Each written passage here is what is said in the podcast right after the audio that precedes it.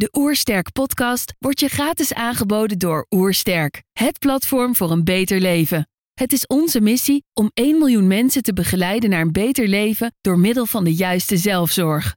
Wil je weten hoe jij kunt werken aan een beter leven? Ga dan naar www.oersterk.nu gezondheidscheck voor onze gratis gezondheidscheck en krijg direct jouw uitslag met persoonlijk advies. Ik ben Eva Noorda en dit is de Oersterk podcast.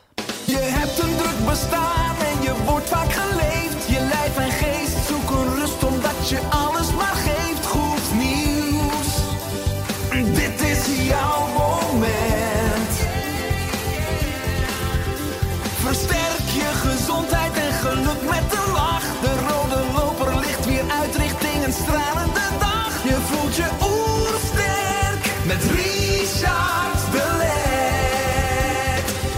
zijn in Heemskerk voor een podcast met Eva Norda. Eva is oncologisch chirurg en geeft ook les in yoga en meditatie. Ik ben benieuwd naar haar tips voor een beter leven. Trouwens, geniet je van onze podcast, abonneer je dan en laat een reactie of review achter. Zo help je ons om het gezondheidsvirus te, te verspreiden. Let's start! De Oersterk Podcast. Een ontdekkingstocht naar een beter leven. Welkom Eva. Dank je. Ik eh, lees op je website. Ik ben dokter Eva Norda. Als kind van een spiri- spirituele moeder en een rationele, succesvolle vader ben ik altijd geïnteresseerd geweest met te ontwikkelen op beide vlakken. Ik werd arts, chirurg, deed wetenschappelijk onderzoek en was bestuurlijk actief. Hiernaast deed ik aan yoga, later ook meditatie om mezelf fit te houden. Het afgelopen jaar heb ik de eerste stappen gezet om beide werelden ook professioneel vorm te geven. Naast mijn werk als chirurg-oncoloog ben ik nu docent yoga en kanker en meditatietrainer. Het is heerlijk om ook daar tijd en aandacht aan te besteden, zodat anderen zich beter gebalanceerd in hun kracht voelen en ik ook. Hoe was het om dit naar buiten te brengen? Dus het samenbrengen van beide werelden. Ja, dat was wel bijzonder. Ik heb het wel echt als een eh, coming out ervaren, vorig jaar. Ehm,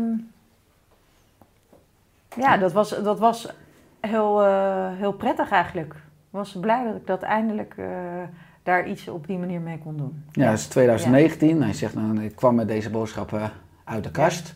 Ja, Eh, betekent dat dat je dat jarenlang dus onder de oppervlakte hebt gehouden of niet bespreekbaar hebt gemaakt in eh, het ziekenhuis waar je werkt? Of, Ja. of, de, of misschien iets in jou is geweest waardoor je je niet vrij voelde om dat ook te uiten? Qua in de wetenschappelijke wereld, het stuk yoga en Ja. meditatie. ja. ja, ik denk dat het beide is. Dat het, eh, dus ik, ik, ik, ik, ja, ik zei het wel eens af en toe. Ik bedoel, het komt wel eens ter sprake, maar dan toch in de setting en de cultuur waarin je werkt op een bepaalde manier. Om het maar zo te zeggen van ik ga naar de yoga, zodat ik eh, weer even rustig word. Of Mhm. ik eh, daarbij fit blijf. Of eh, ik mediteer af en toe om even wat orde in de chaos te scheppen. Zoiets, dat je dat op die manier zegt. Ehm, en er was ook een stuk in mij wat gewoon ook niet eh, gewend was om daar heel eh, uitgesproken mijn eigen echte boodschap eigenlijk achter te vertellen. Mhm. Ja. Maar wat is die echte boodschap? Dat het wat mij betreft heel, eh, heel essentieel is, in ieder geval voor mij en ik denk voor meer mensen zou kunnen zijn, om terug te gaan naar eh, ja, waarom je hier eigenlijk bent en hoe je je eigenlijk voelt en hoe je je beweegt en ja, op welk pad je bent. En eh, dat betekent voor mij dat ik dat door middel van, eh, van meditatie of yoga, ja, we gooien het even op één hoop, maar het heeft ergens ook hetzelfde effect. Ja, dat ik, dat, dat ik daar regelmatig mezelf ja, weer aan moet herinneren. Hervindt als het ware. Ja, ja, maar dan is precies. yoga een middel om eh, te reflecteren, om je weer te verbinden met jezelf, met je kern, met de essentie. eh, waardoor je veel helderder zicht krijgt op wat het toe doet in het leven. Ja, dat ook, precies. Ja, ja. En, wat, en ook veel helderder zicht op van wat is er eigenlijk belangrijk voor mij op dit moment en hoe gaat het eigenlijk met mij? Eh, gaat het eigenlijk wel goed? Mhm. Ja, maar je gaf eh, aan, ik las het op je website, Ja.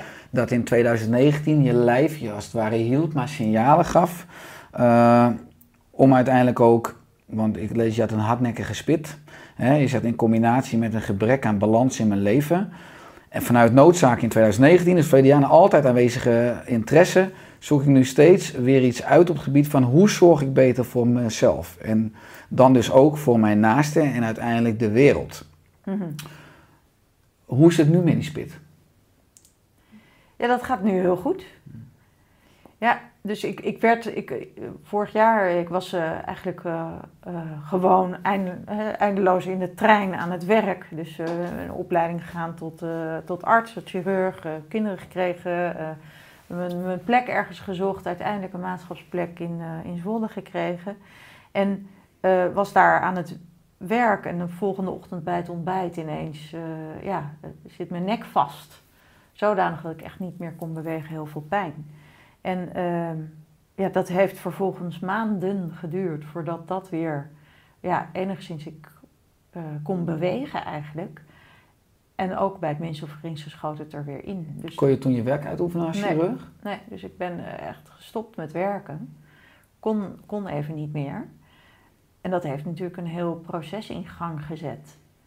Ehm, dus nu, zoals het nu is om je vraag te beantwoorden, ik heb nu geen last van mijn nek.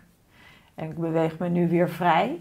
Eh, maar het interessante vind ik wel dat, eh, dat ik wel af en toe opeens weer last kan krijgen van mijn nek. En dan kijk ik daar nu op een hele andere manier naar dan ik vorig jaar deed. Eh, want dat betekent meestal dat ik even naar binnen moet gaan en moet kijken, oké, wat, wat werkt er niet op dit moment? Eh, dus het wordt meer een soort signaalklacht eh, voor andere dingen dan alleen dat fysieke. Ja, dus in die zin was Ja. de spit mogelijk ook een zegen. Nou ja, zeker, want ik had ook kanker kunnen krijgen of een hartinfarct. Mhm. En het, ik, heb, ik zie het echt als een, eh, ja, het was wel pijnlijk en vervelend. Mhm. Het heeft uiteindelijk wel eh, bij elkaar toch wel een jaar gekost. Mhm. Maar eh, het geeft, ik, ik herstel er wel weer van. Ik kan nog steeds 45 jaar leven als ik wil. Ja.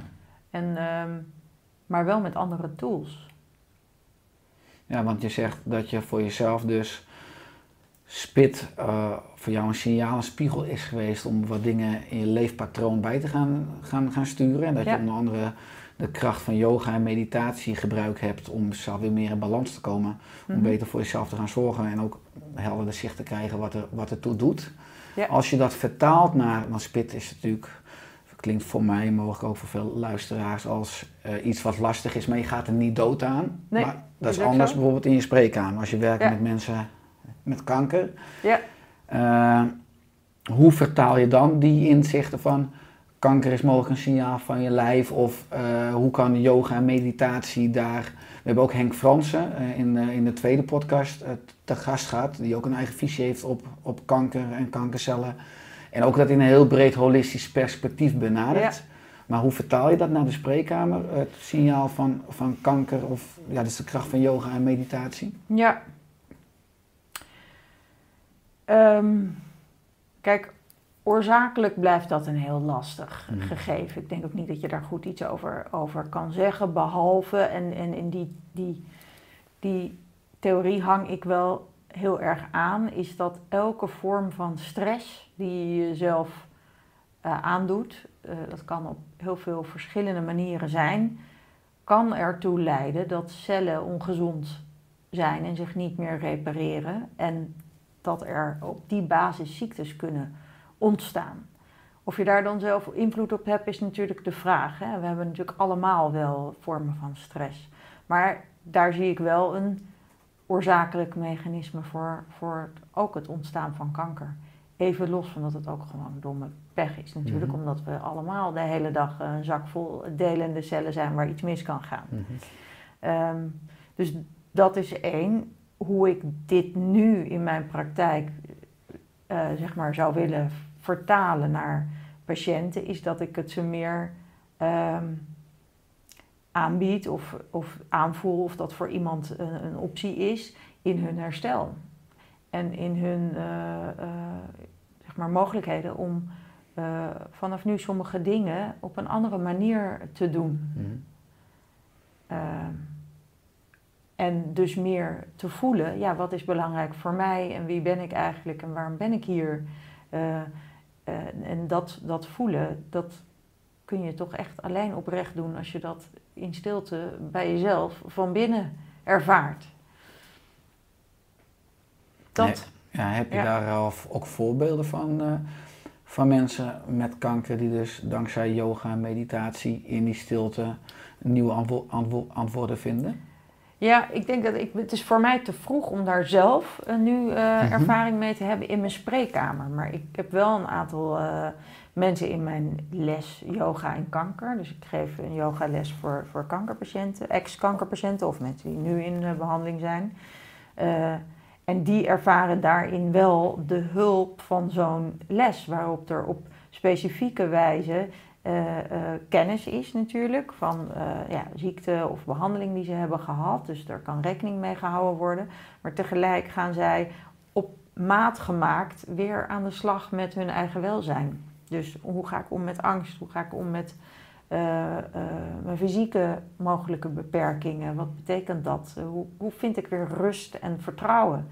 En eh, dat merk ik heel duidelijk in die, in die les. En dat is ook wat zij teruggeven. Wat voor hun specifiek eh, ja, belangrijk is. En hou je ook rekening mee qua yoga, qua als er, als er eudeem is of als er littekens zijn door kanker en, operaties. Dat, Ja. dat, dat is natuurlijk altijd Ja. maatwerk dan, wat Ja. mogelijk is, ook qua flexibiliteit van het lichaam. Ja, precies, precies. Ja. Ja, en het, de- natuurlijk gaat het ook weer om grenzen opzoeken en verleggen, zodat Mhm. mensen eigenlijk veel vrijer weer gaan zijn met Het datgene waar ze daarvoor minder vrij in geworden waren. Ja, Mooi, en je noemt Ja. ook dat zeg maar dan weer fysiek, maar mentaal noem je dat je ze vert- vertelt of leert of begeleidt hoe ga ik met angst of met mijn angst om. Ja. Kan je daar voorbeelden van geven hoe je dat proces begeleidt of welke adviezen je dan geeft? Ja, ik denk dat het niet eens zo specifiek het geven van adviezen is, maar door samen eh, eh, zeg maar te mediteren of naar binnen te keren, merk je dat eh, ze vanzelf door zeg maar een, eigenlijk een generieke ehm, eh, meditatie te doen, waarbij je naar de, de, de kern gaat van jezelf, ehm, voelen ze zich als het ware meteen alweer meer vertrouwen in, oh ja, hier zit mijn kracht, hier zit mijn drijfveer, dit is waar ik eigenlijk hiervoor ben. En ja, eh, wonden of, of, of trauma's eh, gezien door, door die ziekte, ja, die worden dan opeens minder leidend. En dan gaat het weer over waar ze heel waren. eh, en waar ze ook weer nu hun heelheid kunnen vinden. En dat gebeurt eigenlijk gewoon gaandeweg zonder daar specifiek over te praten of daar met elkaar aandacht aan te besteden. Het is het proces. Het is je- proces, ja. het is een individueel proces. Ja, Dus daarmee vertaal ik ook indirect dat angst ook een gevolg kan schijnen van afgescheidenheid, van die heelheid. ja, En ook dat je angst een signaal kan zijn dat je dus niet verbonden bent met, je, met jezelf, met je werkelijke Ja. pad. Want Ja. als je op het, op het verkeerde pad zit, dan is angst ook een signaal om weer, om weer terug te keren.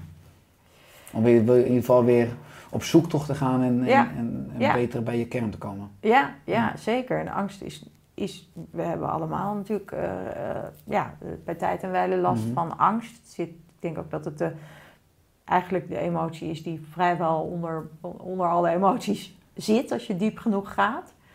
Ehm, maar het is een hele destabiliserende hè, of een, ja, eh, emotie, waardoor je uit je gevoel van balans ge, ja, gehaald wordt. Eh, en die balans is juist heel nodig om je niet alleen mentaal weer vertrouwen te voelen, maar ook voor je lichaam zelf. Je lichaam functioneert het beste als er balans is. En dat klinkt heel eh, simpel, eigenlijk als een hele open deur. Eh, maar daar zou je hele theorie achter eh, kunnen geven Ja. hoe dat er dan uitziet. Ja, ja want ja, wat je terecht mooi zegt, is dat chronische stress is nu eigenlijk een groot probleem. En niet alleen maar in de maatschappij, maar ook in de geneeskunde, in het systeem. Je vertelde net jouw weg, je werd arts, je werd chirurg, je werd moeder. Misschien kan het met zijn aanname zijn het tropenjaren geweest, maar je moest meerdere ballen hoog houden. Nu zie je dat veel zorgprofessionals, specifiek artsen, maar ook breder, last hebben van stress en Mhm. van nou ja, chronische druk. Zie je dat in de geneeskunde ook steeds meer zorgprofessionals uit balans raken? Ja, met name de jongere generatie. Eh, je ziet dat het eh, lastiger is om, eh, ja, om jezelf staande te houden. Ja, ja. En sommigen lukt dat wel, maar er, het vergt toch, en je ziet ook naarmate mensen ouder worden, vergt het een vorm van afstomping, bij wijze van spreken, om staande te blijven in de, de cultuur zoals die is. Het is niet alleen cultuur, het is ook eh, maatschappij. Het is gewoon ook maatschappelijke druk en, en eisen die er gesteld worden, die toch op heel veel fronten heel hoog zijn. Kijk, en wat ik bij mezelf daarin zie, is dat mijn eigen eh, ja, karaktertrekken, of ja, patronen zou ik ze zelf nu liever noemen, die maakten dat ik dat allemaal eh, op mijn nek nam, om het maar zo te zeggen. Dus ik had de neiging om mensen te willen pleasen. eh, en met die eigenschap eh, waarmee ik dat goed kon, ja, ben ik ook ver gekomen. Want in een politiek systeem, wat toch ook die gezondheidszorg is, is het ook belangrijk om vrienden te hebben die jou steeds weer een hogere positie gunnen. En, maar dat, dat, lukt je in, in en dat dat spel. lukte zo. mij, ja, Ja. precies. En daar, dus dat, dat spel kon ik, om het maar zo te zeggen. Ehm, maar daarvoor moest ik wel ook een stuk van mezelf steeds in de, in de ijskast zetten. En, eh, en, en dingen die, eh, waarvan je zou zeggen, die zijn heel gezond, namelijk sporten. En ik deel, doe al twintig jaar aan yoga. Eh, die, dat deed ik heel vaak. Om weer even eh, op het. eh, om, om eigenlijk alle stress, alles wat ik opzij had moeten zetten. Alle geweld die ik mezelf moest aandoen om te blijven functioneren in dat systeem. Om dat elke keer weer, eh, zeg maar. In balans te krijgen. ja, in balans te krijgen. En wat ik in al die tijd dus niet door had, was dat dat wel even helpt, natuurlijk. Als je even gaat sporten, voel je je weer lekker. Nou, dan kan je de volgende dag weer hetzelfde gaan doen. Eh, maar dat dat nooit eh, de opstapeling van ja, reststress die, eh, die er ontstaat, helemaal weg kan halen. En ook de oorzaak van het ontstaan van die stress nooit wegneemt. En dat heeft dan te maken weer met die patronen hè, waarmee je er ooit ingekomen bent. Dus dat, dat pleasen en dat willen bewijzen dat je iets neer kan zetten. ja, dat, is natuurlijk hele sterke drijfveren zijn dat. En daarmee bereik je heel veel, maar ook ten koste van een heleboel. Ja, en hoe kom je aan die patronen? Eh, Ben je, heb je antwoord gekregen waar je die... nou Ja, eh, Ja, is het, is er, had je dat als kind zijn al? Hè? Dat willen pleasen of willen doorzetten, aanpakken? Ja. Nou ja, weet je, daar kan je een heel standaard verhaal bij spreken over geven. Maar ook bij mij was dat zo. Ja, dat komt wel uit mijn jeugd. Dus eh, eh, als je kijkt zeg maar, naar... hoe- Mijn ouders zijn gescheiden en ik had twee hele verschillende ouders. De een was heel spiritueel en ik woonde bij mijn moeder. En mijn vader is een hele rationele, succesvolle man. Eh, waar soms ik eh, moeite had met eh, ja, hem bereiken of een gesprek met hem hebben. En eh, ja, om jezelf eh, staande te houden en te bewijzen dat je de moeite waard bent. Want dat is toch vaak bij zo'n scheiding eh, wat je als kind hebt. Dat je denkt, nou, het komt allemaal door mij. Blijkbaar is dat dan iets wat er, wat er gebeurt. Ja, eh, ben ik mezelf eindeloos eh, gaan bewijzen. En eh, vooral op dat vlak van succes. Ja. Om toch zijn we als mensen om dus allemaal op zoek naar erkenning en dat we Precies, goed genoeg zijn en dat er van ons ja. gehouden wordt. Zeker. Als je, als je zegt dat je moeder was spiritueel, Ja. Hoe uitte zich dat? Ja, nou ja, zij was zelf psycholoog. En, eh, maar zij had eh, allerlei interesses op basis van energiewerk en, en, en dat soort dingen. Dat gebeurde gewoon thuis. Dus ik, Nou, dan werd, Ja. je, werd er met een paplepel dat werd er eigenlijk al met de ingegoten. paplepel ingegoten. Ja, dus, ja. dus daar heb ik me natuurlijk ook heel erg tegen afgezet een hele periode. Ik dacht, ja, dat hoef ik dus niet. Dus ik word gewoon chirurg. Mhm. Maar eigenlijk eh, had ik daar ook wel feeling mee, ja. En, en in de opleiding, hè, van basisarts naar chirurg, waren Ja. lange weken. Hoe ziet zo'n werkweek eruit?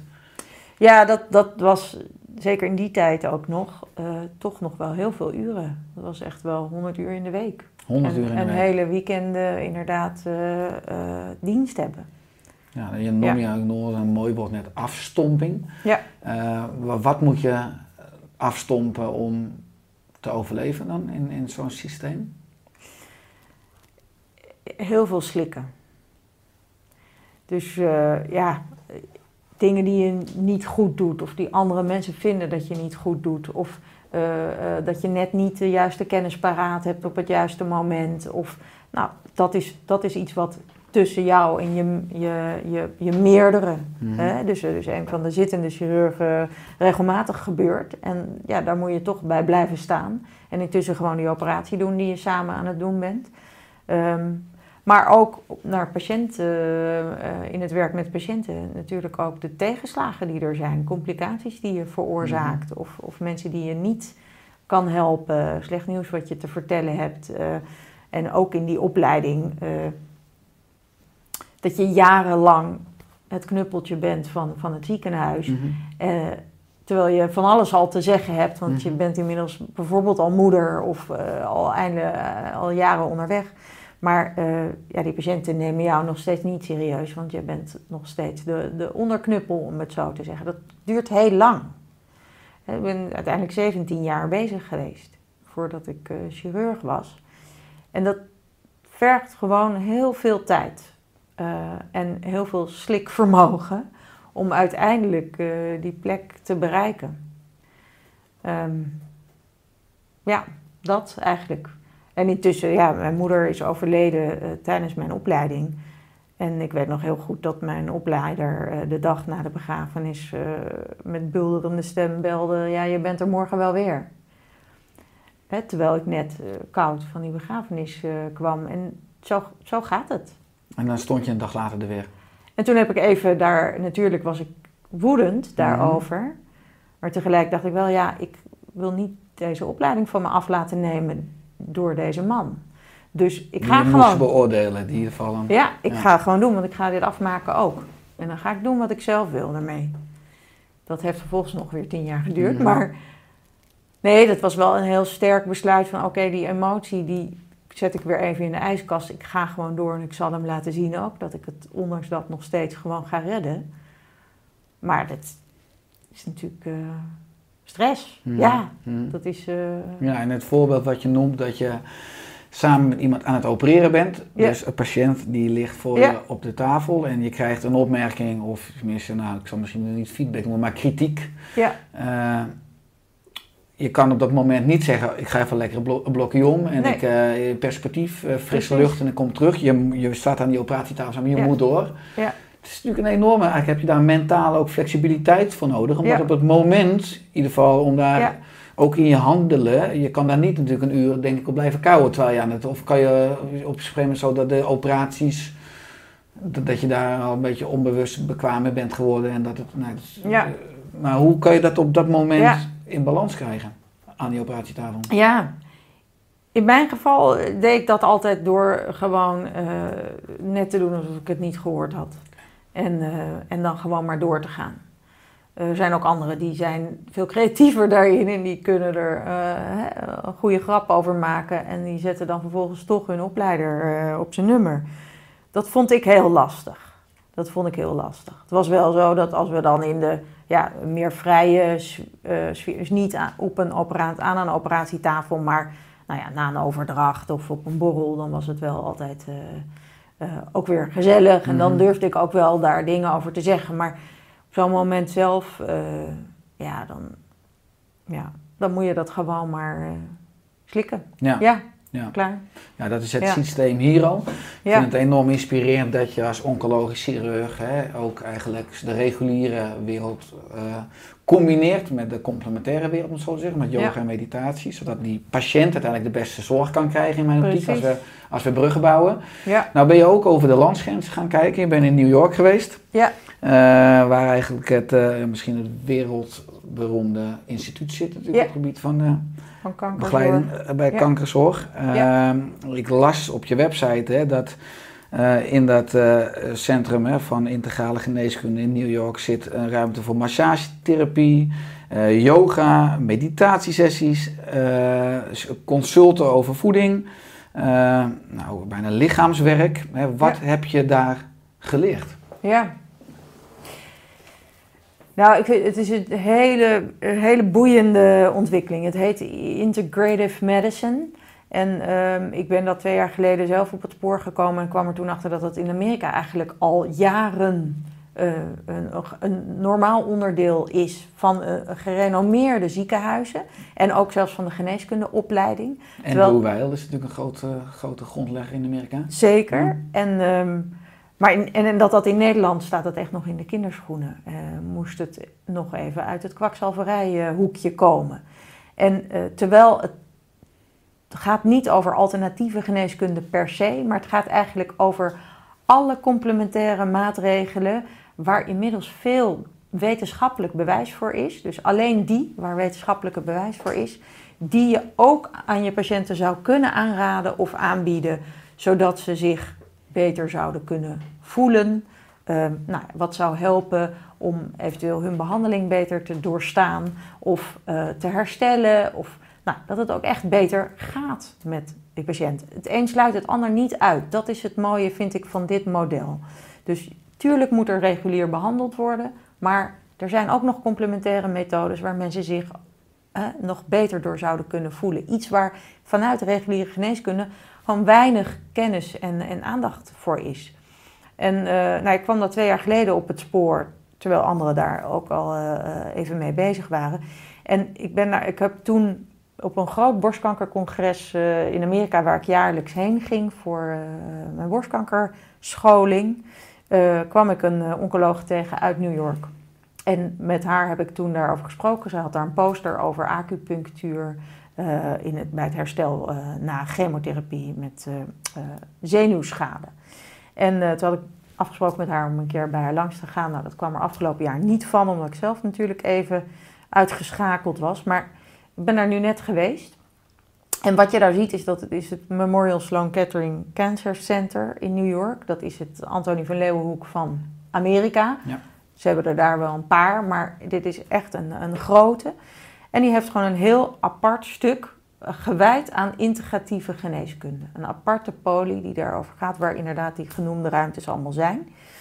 En uh, nou ja, wat ik daar heb gezien is dat het heel normaal is om dit soort aanvullende zorg te bieden. En uh, dus wat, wat doen ze daar bijvoorbeeld, vond ik heel inspirerend om te zien. Kijk, acupunctuur is voor een aantal klachten inmiddels ook wel genoeg weten, wetenschappelijke bewijs voor om, uh, uh, dat, het, dat het zinvol is in het herstel na bijvoorbeeld chemotherapie of bij hormoonbehandeling, waar mensen last van hebben. nou, en ze hadden daar bijvoorbeeld een groepsessie acupunctuur waar je als patiënt je gewoon kan inschrijven.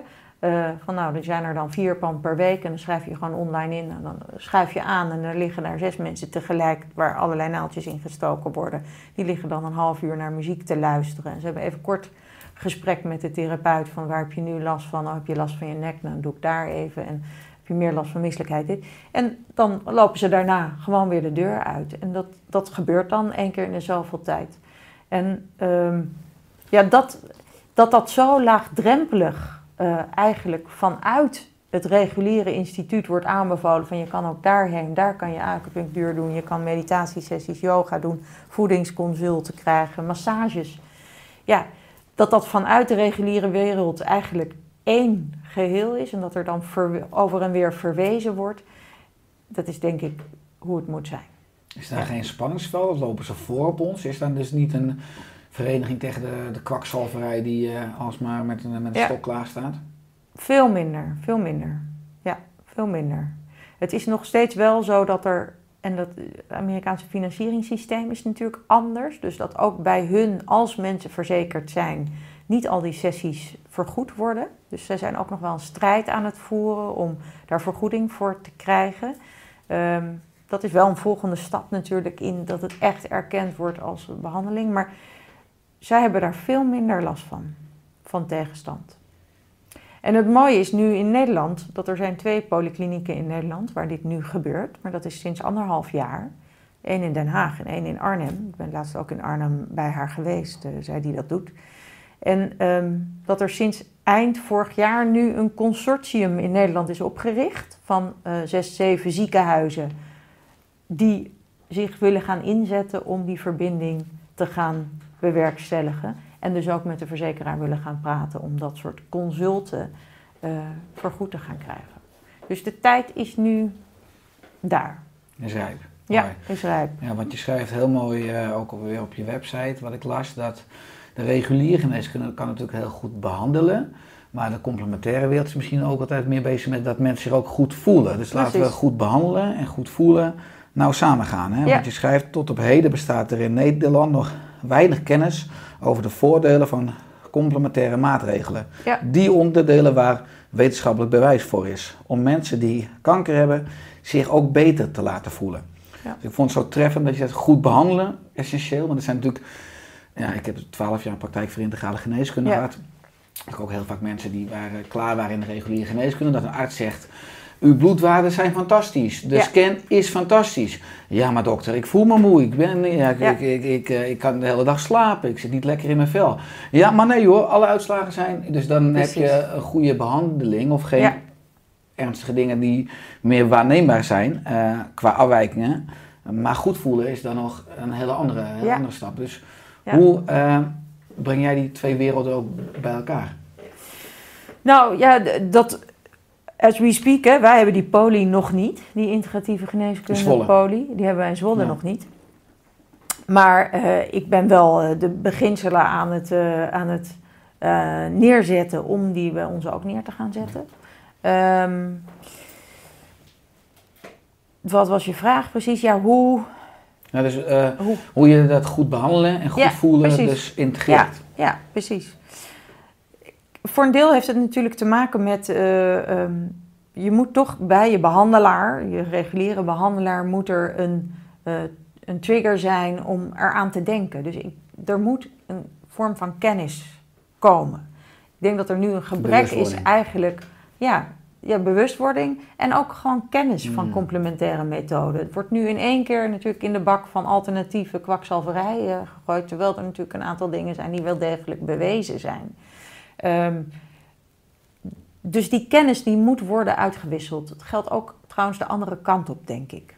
Eh, ik denk dat er van beide werelden meer kennis en begrip mag zijn. Ja, minder Eh, ego. En minder ego en minder ik doe het beter dan de ander. Want Ja. daar heeft die patiënt helemaal niets aan. Die patiënt die komt met ik wil, eh, eh, ik wil langer leven, natuurlijk. Maar ik wil me ook beter voelen terwijl ik langer leef. En ja, die, komen met, eh, die gaan supplementen slikken, die gaan shoppen, die gaan bij mensen langs die ze aangeraden hebben gekregen, maar weten eigenlijk niet goed of dat dan wel goed is. Of het misschien wel nadelig is voor hun reguliere behandeling of niet. En wat je op zo'n polykliniek eh, integratieve geneeskunde, wat ik ook in Arnhem heb gezien, wat zij deed, want dat is eigenlijk het, enige wat daar dan nog gebeurt, is dat mensen gewoon met hun supplementen en medicijnen en alle adviezen die ze hebben gekregen van, van Jan en Alleman, eh, de, de bewegingsmaatregelen die ze hebben genomen, bij haar op die poli komen en zeggen, nou ja, dit is de ziekte die ik heb, die chemotherapie krijg ik, dit heb ik allemaal aangeraden gekregen om te doen vanuit het alternatieve circuit. Kan dat allemaal? Geef mij eens een goed gefundeerd advies van kan dit bij elkaar? Heeft het zin om dat te nemen of niet? En dat zoekt zij gewoon echt op bewijsniveau uit. En de patiënt gaat vervolgens de deur uit met een, ja, een, eh, een, eh, ja, een verhaal waarbij die twee gewoon één worden. Namelijk, we doen iets om beter te worden en we doen iets om je weer beter te laten voelen. Ja, dat is een goed gefundeerd plan wat uiteindelijk die, patiënt rust geeft. En hou vast. Precies, Ja. precies. Ja, je noemt eh, wetenschappelijk bewijs, eh, wat er van veel eh, stromingen wel is. Als we dan puur Ja. kijken naar yoga en meditatie, kun je Ja. voorbeelden geven van publicaties of wetenschappelijk bewijs wat al op tafel ligt? Ja, precies. Er, zijn, er, er is ehm, een heel mooi overzicht, want daar ben ik natuurlijk begonnen met borstkankerpatiënten. Eh, daarvan eh, is twee jaar geleden gepubliceerd en ook omarmd door de Medische Oncologische Vereniging in, eh, in de Verenigde Staten. Waarbij er nu meerdere studies op het gebied van meditatie en yoga zijn die aantonen dat het invloed heeft op je gevoel van angstigheid. Dat het effect heeft op slapen. Dus mensen hebben vaak veel last van slaapproblemen. Dat het effect heeft op ehm, je immuunsysteem. Dus dat je gewoon meer effectievere T-cellen produceert als je aan meditatie en yoga doet. Ehm, dat het effect heeft op genetisch niveau. Dus zelfs eh, je genen stabieler maakt. Eh, en daar zijn meerdere publicaties nu van, eh, ook gerandomiseerde studies, Mhm. waarin ze dat hebben aangetoond. Nou, dat is eigenlijk een gemiste kans als je het niet integreert, als je het omdraait. Ja, Voor de patiënt eigenlijk, omdat er zoveel, Ja. buiten dat er innerlijke rust ligt en meer energie en meer, meer stabiliteit, heeft ook het ook gewoon echt fysieke op het helingsproces. Ja, Ja. echt op het lichamelijke helingsproces. Ja. Ook effect.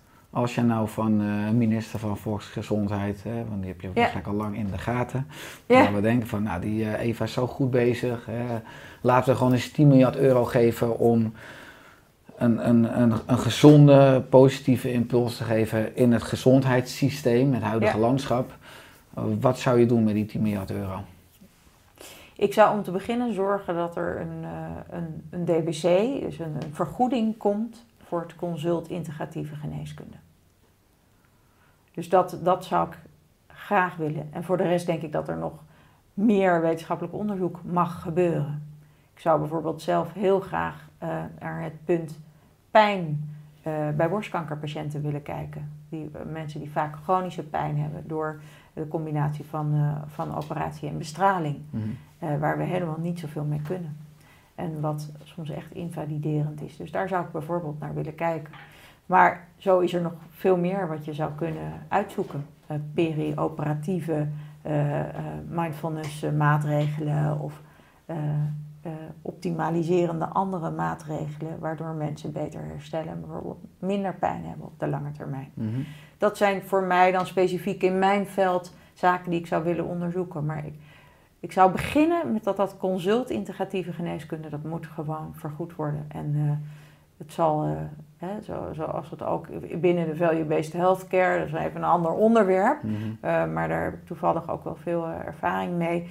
Ehm, zodra je de, de kwaliteit zeg maar, verbetert van je zorg, eh, dus ook aanbiedt datgene wat er gevraagd wordt, waar mensen echt zich beter door voelen, zul je merken dat de kosten van die zorg minder worden. Mhm. En eh, eh, dat is wel wat ik voor ogen heb met zo'n integratieve stroming. Ja. Ja.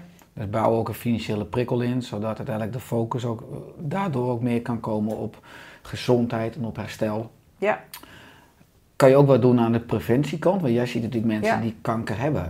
Ja. Je ziet vooral veel vrouwen met borstkanker. ja, ja, dat is een groot deel van mijn patiënten. Ja. Heeft dat nou nog invloed ook op jou als vrouw zijn? Als je continu vrouwen ziet met borstkanker, kan je daar dan als vrouw zijn ook banger voor borstkanker worden? Ik, kan me voor, ik heb zelf namelijk dat ik in de geneeskunde soms ook lange dagen in het VU ziekenhuis en in het medisch centrum Alkmaar. Eh, en als je die lange dagen hebt en de hele dag zijn die wachtkamers vol, had ik wel eens het idee alsof de hele wereld ziek was. En Ja. was ik vroeger als klein kind heel erg hypochondrisch. Gelukkig is dat, eh, is dat eigenlijk genezen in de geneeskundeopleiding. Want als je Ja. alle ziektes langskomen, ja, dan kan je over, nou ja, er is te veel om druk over te maken, dus, dus het werd eigenlijk steeds minder. Maar heeft dat impact ook op jou als vrouw, als je continu vrouwen ziet met borstkanker? Omdat je nou, als vrouw dan natuurlijk ook in die risicogroep zit. Ja. Nou, gek genoeg, eh, of eigenlijk is dat misschien niet zo gek. Ik heb door de, hoe ik het vorig jaar heb beleefd, ja, nekspit klinkt niet erg, maar het had wel hele heftige implicaties voor mijn leven op dat Mhm. moment. Ehm, merkte ik ook in dat proces daarna dat ik eigenlijk altijd dacht, mijn moeder is natuurlijk relatief jong overleden, tenminste was 62. Eh, dat ik eh, zelf eigenlijk heel bang was dat ik ook te jong dood zou gaan. En dat dat ook een van mijn stressoren was, die er eigenlijk continu was. En die werd natuurlijk continu ook gevoed door de patiënten die ik zag. En door het ja, helingsproces wat ik eigenlijk vorig jaar zelf heb gehad, ik heb ontzettend veel door verdriet en angst en, en weet ik veel wat allemaal heen moeten werken om te komen tot waar ik nu ben. eh, merkte ik op een gegeven moment, hé, ik heb weer het idee dat ik gewoon 90 word. En er was dus wel degelijk iets wat ik continu in mijn eigen gezondheid, en ik ben ervan overtuigd dat de emoties hè, die, die je daarbij voelt, ook in je lijf een weerslag hebben. eh, wat continu gevoed ook weer werd door die oncologiepraktijk. En waardoor ik zelf eigenlijk mijn eigen angst eh, voedde. Dus zeker ja. Mhm. Is dat ook een proces geweest voor je dan ook van, van heel veel doorvoelen, wat je zegt van Ja. emoties of verdriet of angst en gewoon het, Ja. het toelaten? Ja, het toelaten, maar ook het merken dat als er eh, eh, dat, dat een, eh, een fysiek probleem, daar is vaak een emotie aan gekoppeld als je er naar kijkt. En als je daar naar kijkt, en dat is dus ook iets waar ik meditatie nu in gebruik. Eh, door echt even te kijken, oké, wat wil die nek nu vertellen? En dan nou, komt er iets omhoog, boosheid of zo. En door daar serieus naar te kijken, kom ik achter de onderliggende, eh, ja, het patroon. Wat me misschien op dat moment dwars zit. Zit ik weer mensen te pleasen of zit ik weer mijn best te doen? Eh, of ben ik gewoon eigenlijk doodmoe, moet ik gewoon even rusten? En door daar dan gehoor aan te geven, herstel ik gewoon weer. Mhm. Dus ik ben vorig jaar heel bewust geworden van hoe emoties in je lijf zich kunnen nestelen. En door daar serieus naar te kijken en niet het weg te sporten of eh, een glas wijn te nemen of eh, eh, in de ijskast te zetten. maar er echt even naar te kijken, kan je het eigenlijk op een hele eenvoudige manier ja, de, de, achtergrond begrijpen. Mhm. En daar vervolgens de, ja, de meest zinvolle actie op ondernemen.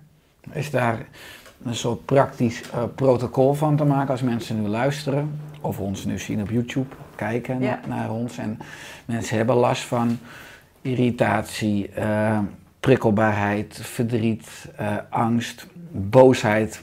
Ja. Zou ze dan een oefening kunnen doen? Want je, je hebt natuurlijk meditatie, maar is dan, heeft dat dan te maken met bepaalde vragen die je stelt voordat je de meditatie ingaat? Of is het gewoon letterlijk loslaten, controle lo- lo- loslaten en vertrouwen dat de juiste antwoorden of inzichten boven komen? Hè? Hoe- Ja. Is er een praktisch Ja, antwoord te geven? ja zeker. Dus de eh, twee dingen. Wat ik zelf merk en wat je ook overal leest, is op het moment dat je regelmatiger even de tijd neemt om stil te zijn, om te mediteren of mindfulness, of hoe je het ook wil noemen, eh, word je sensitiever voor je eigen signalen. Ik merk nu dat als ik aan het werk ben en gewoon druk ben, en ik merk, oh, ik ben eigenlijk gestrest, want ik voel opeens dat mijn hartslag omhoog gaat of ik krijg weer last van mijn nek. En dat merk ik op terwijl ik bezig ben. En dat maakt dat ik eh, dus diezelfde dag als het uitkomt, even daarbij stil kan staan en dat kan opschonen, zodat het zich niet weer ophoopt. En daar iets mee kan doen. Misschien moet ik Je, lichaamsbewustzijn Precies, neemt dus je toe. lichaamsbewustzijn neemt toe. Dus die emoties die je hebt, je lijf merkt het eigenlijk eerder dan je hoofd. Hè, dus, dus ik merk het nu aan mijn lichaam. Ik denk, oh, oh, er is iets, ik moet er even wat mee doen. En dan hoopt het zich dus niet op. Dat is die preventie waar je het eerder over had. Dus dat, dat is één ding. Tweede van, wat is een praktische oefening die je, die je zou kunnen doen? Is toch, als je in een emotie zit... eh, eh, vroeger zou ik veel sneller zeggen, ik ga even sporten en dan ben ik het kwijt. Ik doe nu heel vaak eerst even zitten, stil en ervaren, oké, ik ben boos. Waar voel ik het in mijn lichaam? En je concentreren op die plek, dus of in mijn nek of in mijn buik of wat dan ook. En gewoon vragen, ja, wat heb je mij te vertellen? Wat, wat is er? En dan komt er vaak iets naar boven waarvan je in eerste instantie denkt, ja, dat komt, bedenk ik zomaar. En toch is het vaak de poort naar, oh, weet je, zit ik weer. Hmm. Ik zit te pleasen of ik vind, eigenlijk moet ik nog even wat zeggen tegen Pietje of Pupje. Eh, hè? Dus dat, je, dat er komt er een, een, een toepasselijke actie uit die je daarna kan doen.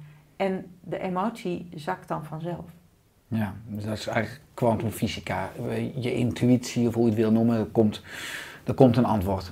Er komt een antwoord. Ja. En dat gebeurt door je even toe te laten en erop te concentreren. Ik heb vorig jaar ook periodes gehad van echt zwarte angst. Dat ik dacht dat ik gewoon, ik wist echt niet meer eh, hoe, ja, wat, wat ik verder moest. En ehm, dat ik heel ja, bang, gewoon zinloosheid van het leven, wij spreken die angst. En eh, daar heb ik ook mee geleerd gewoon er, ernaar te gaan kijken. Het te accepteren dat het is. En dat je soms een dag daarin zit. Of dagen achter elkaar. En eh, dat echt aan te kijken. Mhm. En alleen door het aan te kijken en het bij wijze van spreken te accepteren, het uiteindelijk weer weggaat. Ehm, daar waar ik vroeger anders, nou ja, de kroeg in zou gaan. Of eh, Verdoven. het zou gaan Het verdoven. ja. vermijden. Ja. Het vermijden, ja. En welke antwoord of welke les heb je uiteindelijk, dus ook in die gifzwarte Ja, periode gehad? Heb je er iets uitgehaald wat je nou weer meeneemt? ja. ehm, nou, ten eerste maakt het me minder bang. Mhm. Het idee dat ik ook om kan gaan met zulke momenten. Ik heb altijd wel ook sombere momenten gehad. Mhm. Eh, dat, is, dat, is, dat is wel wat ik meeneem natuurlijk. Dat ik nu een tool in handen heb waarvan ik denk, oh ja, nu, ik kan er wat mee. En ik, kan er gewoon mee zijn. Die komt er altijd weer uit. Ik Je kom er altijd weer uit. Ja. Precies. En eh, terwijl ik dat ja, ook wel eens echt niet eh, heb gedacht. Mhm. Dat is één. En het gek genoeg is het nu zo dat merk dat als ik weer zo'n dag of een aantal dagen heb, dat er meestal zich daarna iets aandient, opeens iets wat me weer helemaal op mijn pad brengt. Ik had dat nu van het, eh, in, januari had ik een aantal van die dagen, toen dacht ik ook, ja, ik weet eigenlijk helemaal niet wat ik moet met deze verbinding tussen de reguliere geneeskunde en de inte- integrative medicine. Moet ik dat eigenlijk wel gaan doen? Dan haal ik me weer wat op mijn nek, et cetera. En eh, dat geeft me dan opeens zo'n doelloosheid dat ik denk, ja, wat, wat moet ik eigenlijk? Moet ik niet gewoon thuis blijven? Laat eigenlijk allemaal maar, zo, dat Mhm. gevoel. En eh, toen plop kwam er een e-mailtje van een, eh, van een huisarts die graag wilde dat ik op een congres hierover ging praten. Vereniging Arts en Leefstijl. De Vereniging Arts en Leefstijl. En het, zo leuk. Ik heb haar daarna gesproken en het was gewoon een geweldig gesprek waarin we niet alleen dachten ik ga een workshop over yoga en kanker geven, maar ik ga die hele zaal eh, van duizend zorgprofessionals een eh, beginnende en een afsluitende meditatie meedoen. Eh, en dat inspireerde me meteen zo ontzettend dan. Nou ja, en dus het heeft ook zin om dan in die ja, sombere dagen dat gewoon maar even te accepteren dat dat zo is en daar verder geen consequenties aan te verbinden. Ehm, en dat me dat nu lukt. Dat er een soort wolken zijn ook die komen en gaan gaan in plaats van voorbij dat je ermee identificeert en Ja, precies. dat het veel in opgaat en het vastpakt. Precies. En dat is ook allemaal toch angst. Die ja, Ja. nou ja. Nou, mooi Zeker. dat je, omdat je nu eigenlijk dus de luiken openklapt eh, en mensen weten dat je die reguliere en die complementaire wereld combineert, ook een kans krijgt om bijvoorbeeld om zo'n eh, zo'n congres eh, te gaan presenteren. ja. Heb je eh, nog andere leuke reacties gekregen op basis van nou, je outcomings, zoals je het zelf zegt? Nou ja, dat ik nu hier zit met jou. Mhm, mhm. Ja, vond ik ook ontzettend leuk. Dat je daar. eh, Ik ben eigenlijk ook benieuwd trouwens hoe je mij gevonden hebt. Maar dat, want toen had ik die website nog niet. Nee, Nee. ik, heb je, ik ben verleden jaar ook op het congres Arts en Leefstijl geweest en dan Ja. zag je daar eh, op, op het affiche staan. Ja. En ik heb natuurlijk een hele brede scope eh, op. Ja, ik, ik ben geabonneerd op heel veel tijdschriften. Ik volg natuurlijk heel veel nationale en internationale experts, eh, websites en, eh, en Ja. platforms. En ja, dan nou, kwam, kwam ik je naam tegen. En vaak als ik een naam voor een tweede keer tegenkom, dan. eh, nou, ik heb dus een eh, podcast interesse of een verlanglijstje, noem het zo. Ja. Dus dat was voor mij een reden, zeker als oncologisch chirurg eh, ja, en yoga en meditatie.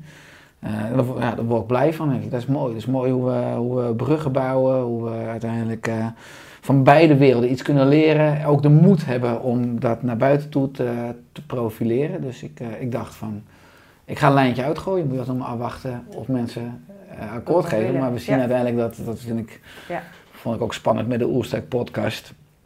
Eh, Dat ik heel veel ook artsen en pioniers een uitnodiging stuurde. En in het begin dacht, maar ik voel me ook een beetje vanuit Oersterk, hoe mensen me soms noemen, een moderne kwakzalver. Ik ben nieuwsgierig, kleur buiten alle lijntjes.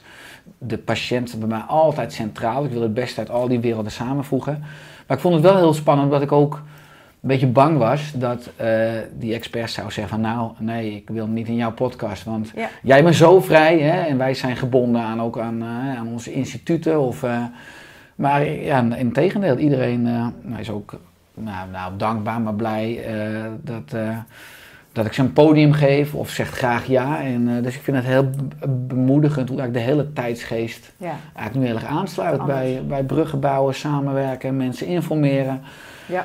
Ik zeg nog steeds tegen mensen, neem alles met maximale twijfel aan, maar voel gewoon wat, re- wat resoneert en wat goed voelt en waar je iets mee kan. Het zijn Ja. altijd ontwikkelingsstadia en soms moet Ja. je dingen letterlijk vijf keer horen. En ook al hoor je hetzelfde vijf keer, je pakt er iedere keer weer andere dingen uit als je je ontwikkelt. Ja, Dus eh, mooi. ja, Als je, ja, je hebt, je hebt natuurlijk, weet je, een opleiding van 17 jaar, je hebt enorm veel kennis, eh, je hebt kinderen, al je activiteiten, ook waar je nu mee bezig bent met je eigen platformen, yoga en meditatie. Hoe hou jij balans eh, op jouw dag? Heb je een soort ideale blauwdruk van een goede dag? ja. Nou, mijn ideale dag is... eh, ik begin sowieso, ik sta sowieso om zes uur op. En dan ga ik dus eerst mediteren en mijn, en mijn eigen yoga oefeningen doen. Zes uur sta je op. Ja, En dan slapen de kinderen nog? Ja, één wordt altijd wakker, maar die, nou ja, die, die is eraan gewend. Die gaat dan gewoon op de bank zitten terwijl en wachten tot ik klaar ben. Dus dat gaat goed. Ehm, en dat, ik merk wel dat ik heel erg gehecht ben aan die start van de dag. Dus zelfs zo dat ik in het weekend dus ook vroeg wakker word en dan er dus uitga. Omdat dat het prettigste is om zo te beginnen. Dus dat is. Het, het liefst ga ik dan daarna, na ontbijt, even iets van sport of wandelen. Of, of even echt even een uurtje aan de, aan de yoga. En dan iets, eh, eh, ja, dan iets maken. Iets schrijven, eh, contacten leggen en, en, verder met dit project. Creativiteit. Ja, ja, precies. Ehm, het zeg maar werk in het ziekenhuis werkt natuurlijk niet zo. Dus dan heb ik 's ochtends wel mijn meditatie gehad en dan ben ik gewoon om acht uur op het werk. Ehm, en ik vind het ook heerlijk om daarin in de flow te zijn van operaties doen en, en mensen spreken en eh, daar uiteindelijk dan rond tien uur of zes mee klaar te zijn.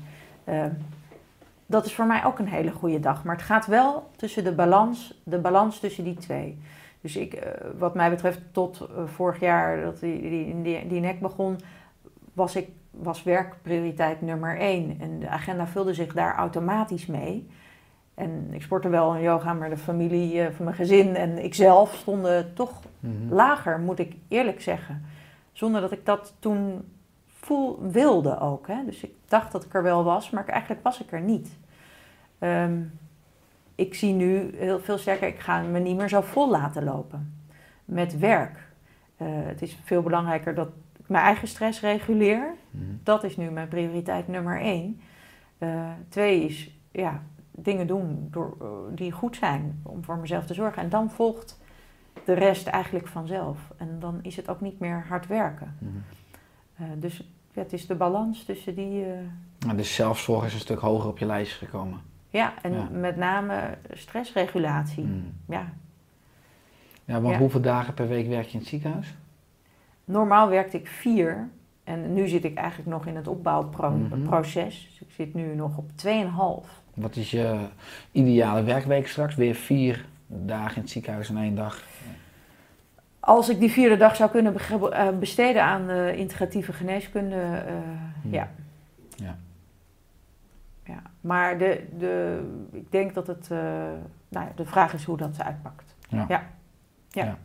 En ehm, is dat zo'n ochtendroutine die je zegt? Heb je ook een bepaalde avondroutine? Of zitten de, dus yoga en meditatie vooral voor jou in de ochtend? Ja, ja, nee, ik ben wat dat betreft geen avondmens. Ik moet echt avond, 's avonds eh, uittunen.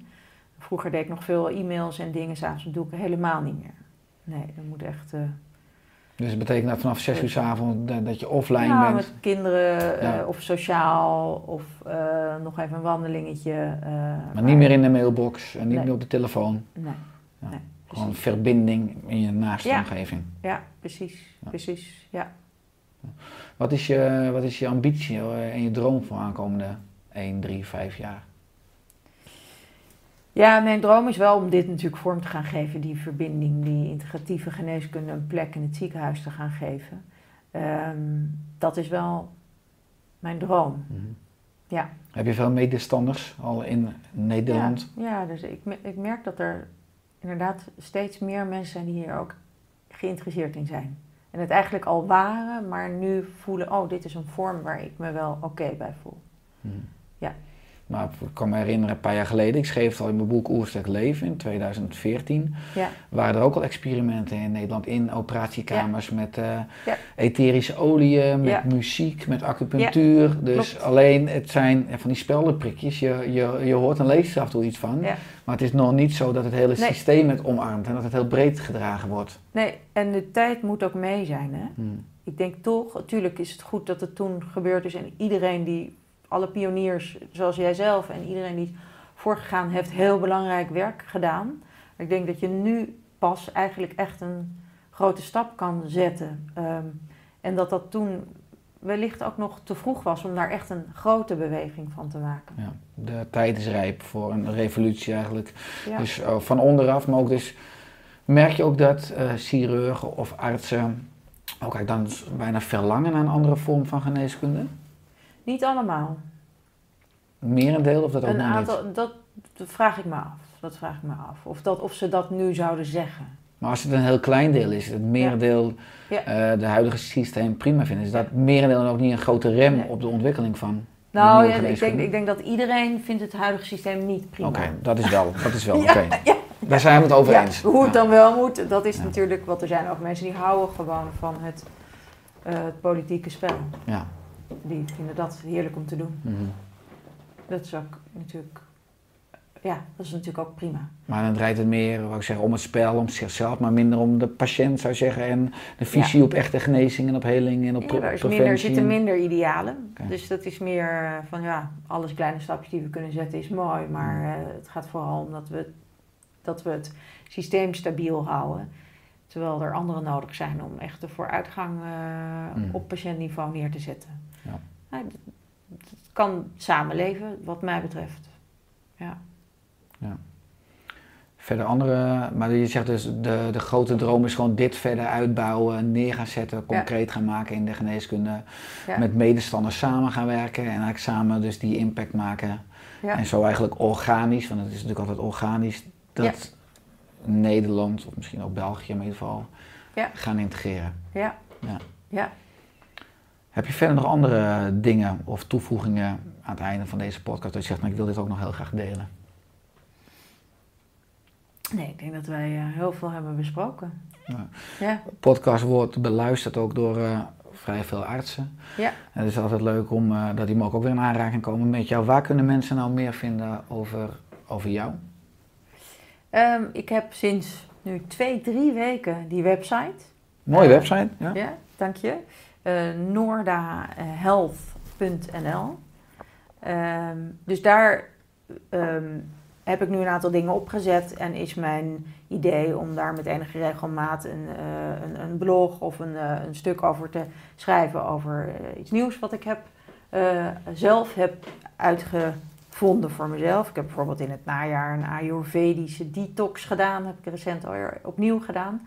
Ik vind het heel boeiend eh, wat je daar allemaal bij voelt en eh, hoe dat je helpt om ook eh, weer sterker in de wereld te staan.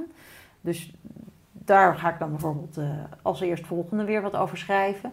Maar het kan ook gaan over een ervaring die ik heb gehad in de, in de yoga- en kankerles of in het ziekenhuis. Daar zal ik regelmatig wat updates in geven. Leuk. En je bent aan het schrijven, wat je soms ook zegt, 's s'morgens. Ja. Qua creativiteit ben je ook, nou, ik weet of stiekem, maar ben je, heb je de ambitie om ooit een, een boek uit te brengen? Of, daar, of zet het vooral blogvorm op mijn website? Ja, nee, daar ben ik ook mee bezig, ja. Met een boek. Met een boek. Ja. En ben je al verder dan de index? Of? Nee, nou jawel, jawel. Ik heb al heel wat geschreven.